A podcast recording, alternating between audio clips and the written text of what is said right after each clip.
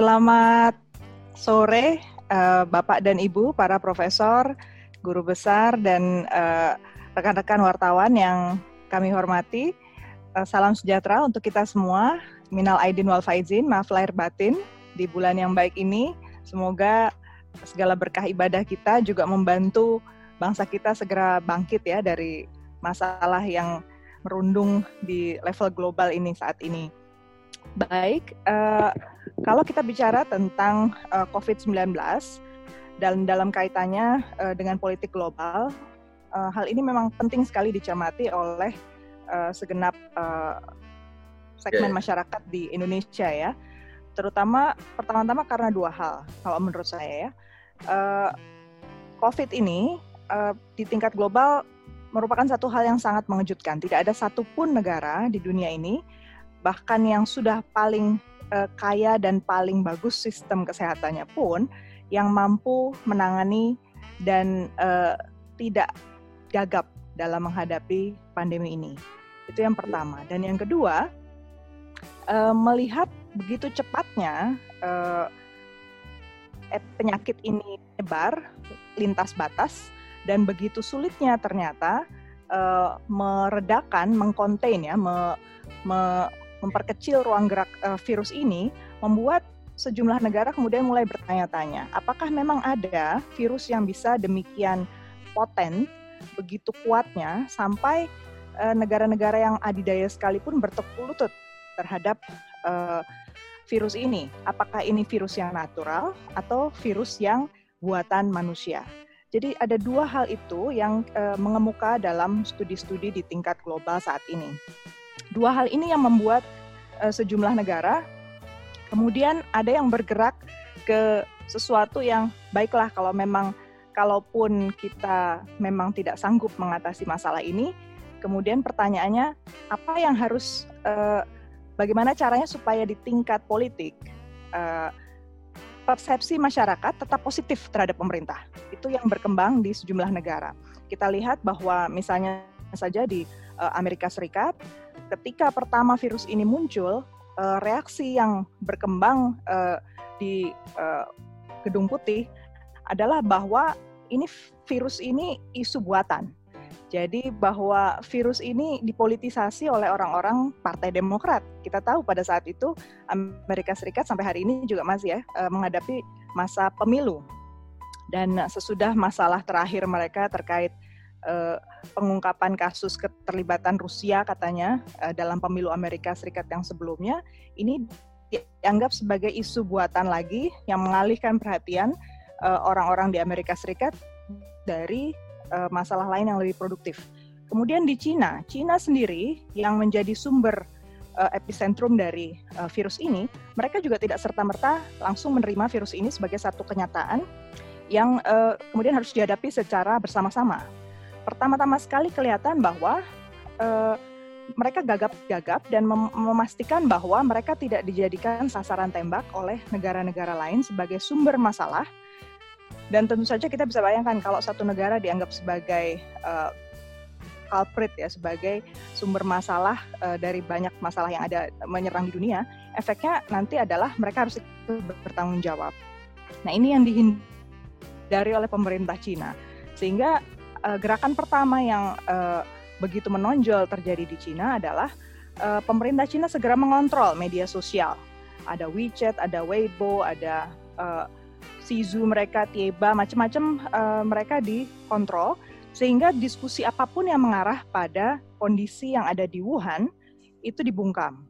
Kemudian uh, ada kabar juga kita pernah dengar bahwa ada seorang uh, dokter yang menjadi uh, almarhum uh, yang katanya dia sudah memperingatkan masyarakat tentang virus uh, ini dan uh, ternyata akhirnya meninggal gitu ya. Dan ini kemudian makin membuat santer uh, pertanyaan di antara masyarakat sebenarnya apakah ini virus uh, yang natural atau sesuatu yang sebenarnya uh, bisa di uh, bisa di, di, di, diprediksi dan sebenarnya bisa dikontain gitu dari awal. Kalau saja tidak terjadi, nah ini yang kemudian uh, sempat juga di mengemuka apakah ini satu bentuk uh, apa namanya uh, ketidakmampuan satu negara untuk uh, memastikan bahwa uh, exercise mereka, eksperimen-eksperimen mereka punya konsekuensi uh, yang luas dan itu sudah diperhitungkan dengan baik.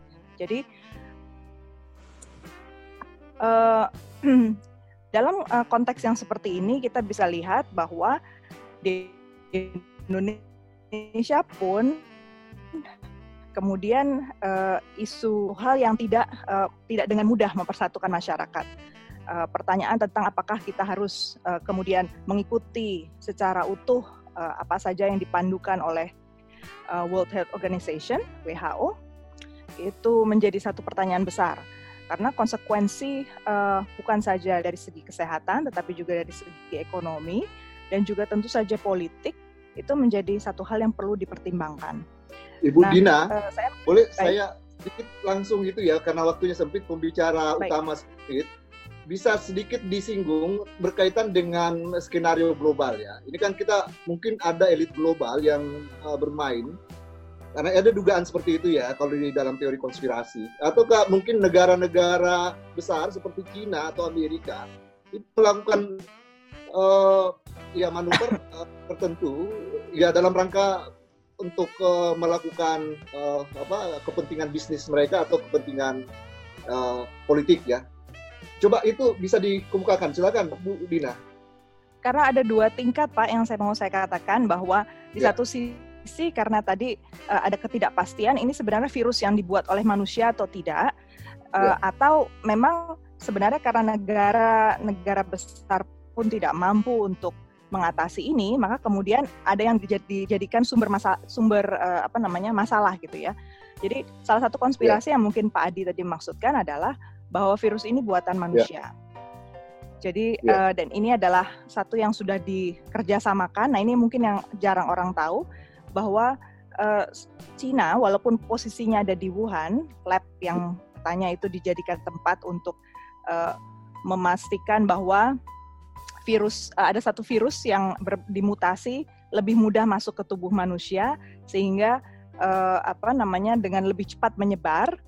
Uh, alasannya waktu itu untuk membuat vaksin, uh, tetapi kekal karena apa ya uh, ignorance ya uh, pengelolaan lab yang kurang baik, kemudian itu leaked uh, lepas yeah. gitu ya virusnya. Nah, tapi yeah. di sisi lain juga kemudian muncul uh, data tambahan bahwa uh, lab di Wuhan itu juga hasil kerjasama dengan Amerika Serikat. Jadi hmm. dan kita tahu bahwa Amerika Serikat yeah. juga sudah sangat uh, lama ingin bekerja sama di bidang uh, ini ya untuk medicine ya untuk obat-obatan ini untuk vaksin yeah. juga ini kita tahu juga satu bisnis yang cukup lukratif ya di iya, tingkat yeah, yeah. global. Tapi hmm. terakhir saya juga melihat satu studi yang menunjukkan bahwa sebenarnya uh, mustahil juga ada satu virus yang bisa uh, secara perfect gitu ya uh, bermutasi uh, sehingga dia bisa masuk ke tubuh manusia dengan sangat cepat.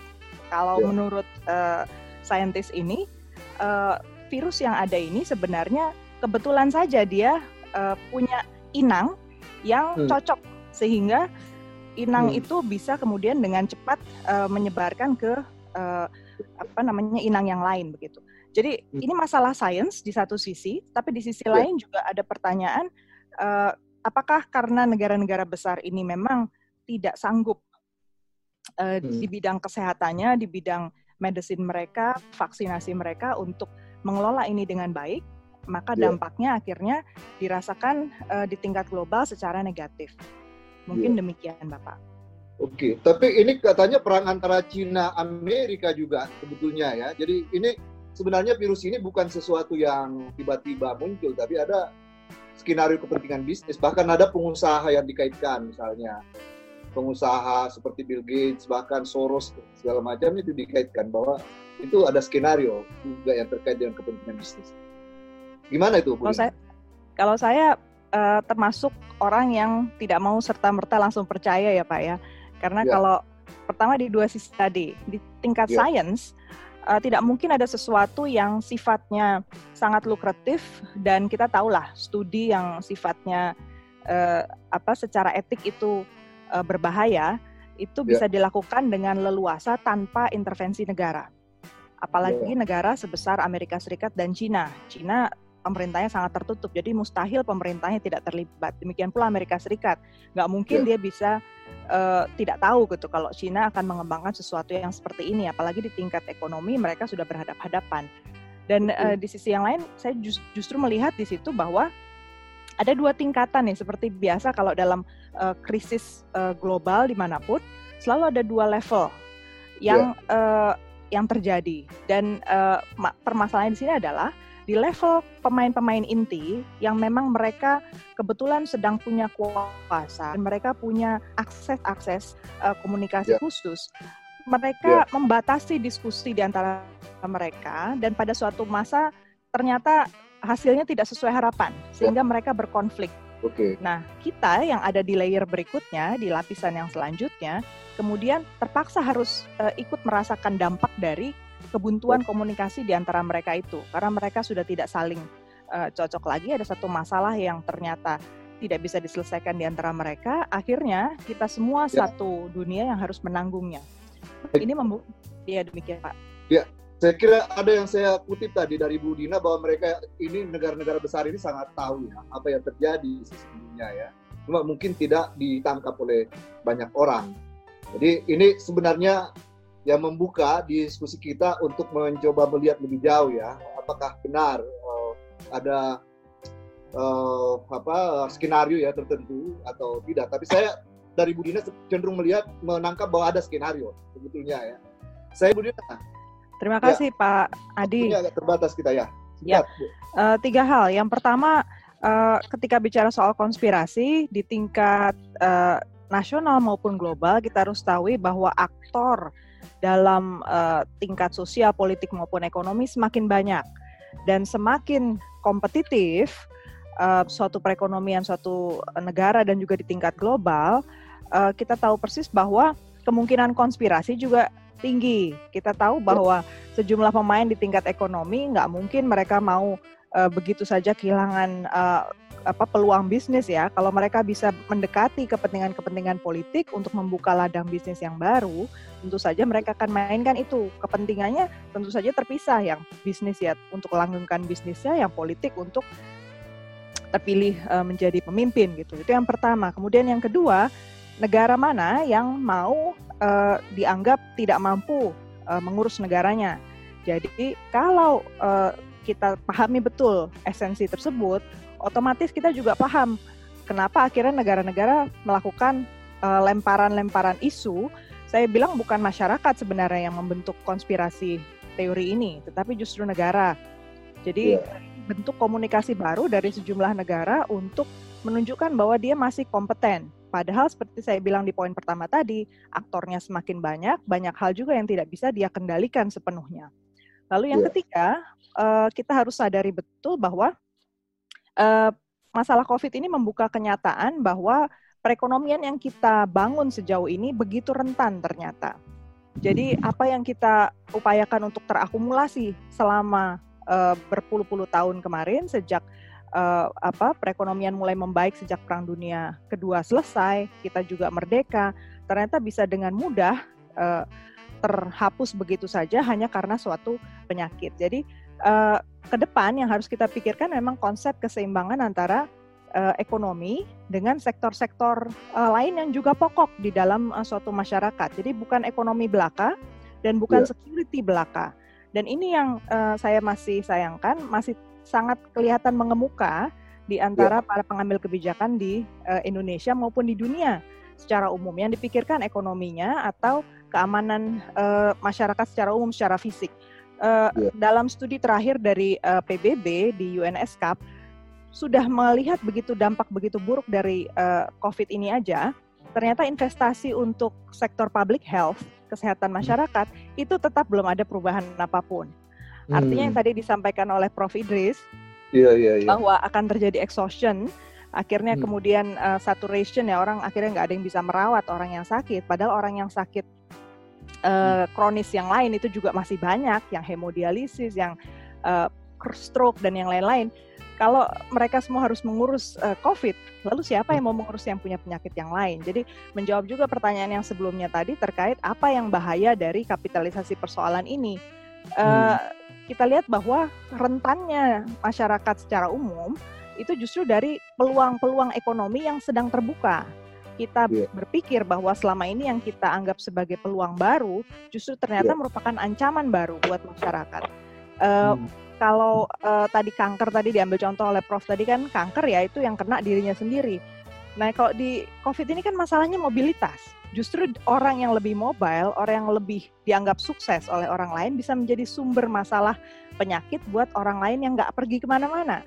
Nah ini yeah. yang satu hal yang sangat membuka mata kita. Uh, mudah-mudahan justru pemimpin kita bukan hanya di Indonesia tapi juga di tingkat global mau mendiskusikan lebih dalam bahwa hal-hal yang seperti ini perlu memang uh, lebih dipikirkan ulang. Jangan hanya mengejar kepentingan ekonomi dan uh, keamanan uh, security belaka, tetapi juga aspek seperti kesehatan itu hmm. ternyata sangat rentan kalau luput diperhatikan, yeah. dicukupi kebutuhannya, maka yeah. seluruh resources yang sudah dibangun bisa habis hanya untuk mengurusi itu. Demikian. Baik, Bu Dina ada poin terakhir. Ibu Dina mengatakan perhatian terhadap sektor kesehatan lemah ya, termasuk anggaran. Itu gejala global Indonesia termasuk ya? Indonesia termasuk di tingkat global masih sama. Jadi uh, karena kalau orang logikanya begini, ekonomi membaik, harusnya investasi pajak itu masuk lebih hmm. banyak untuk uh, health sector. Uh, ya. Jadi justru bukan uh, bergantung saja pada kemampuan orang uh, mengeluarkan uang dari kantong masing-masing untuk iya. kesembuhan yeah. uh, ketika mereka sakit atau kuratif, tetapi iya. juga yeah. untuk preventif ya. Sehingga yeah. kalau ada penyakit-penyakit seperti ini karena sudah kita lihat kecenderungannya di tingkat global, setiap yeah. uh, 10 tahun sekali paling tidak akan ada penyakit menular yang secara serius harus ditangani secara global. Jadi yeah. Uh, artinya, uh, apalagi dengan mobilitas tadi, ini kita pelajaran yang paling penting di sini adalah mobilitas masyarakat ternyata menimbulkan penyakit baru yang yeah. uh, harganya sangat mahal. Nah itu justru yeah. belum ada perhatian khusus sama sekali, bahkan bukan hanya di Indonesia, tapi di negara lain belum ada juga. Ibu Dina, saya nggak mengerti karena sebenarnya anggaran COVID itu kan besar sekali. Hampir semua negara daerah di Indonesia itu besar anggarannya. Kenapa disebut bahwa public health itu tidak dapat perhatian? Justru saya lihat besar. Hanya untuk uh, dihabiskan aja Pak, di istilahnya dibakar untuk spending hmm. pada orang yang sakit itu kan, tapi tidak memperbaiki sistem kesehatan itu sendiri. Jadi uh, apa namanya ya, ya. para dokter uh, apa uh, untuk mereka menambah jumlah nakes, menambah jumlah vaskes, ICU hmm. pun tidak bisa di, tidak ada penambahan uh, jumlah yang berarti kan Pak. Dan orang selalu bilang ICU itu uh, investasi yang sangat mahal. Kalau sektor swasta boleh milih mereka akan ya. memilih ya. buka kamar aja tapi nggak buka ICU-nya nggak kalau perlu ya. nggak ya. ditambah gitu jadi ya sama yang dikongkan Prof Irawan saya kira manajemen ya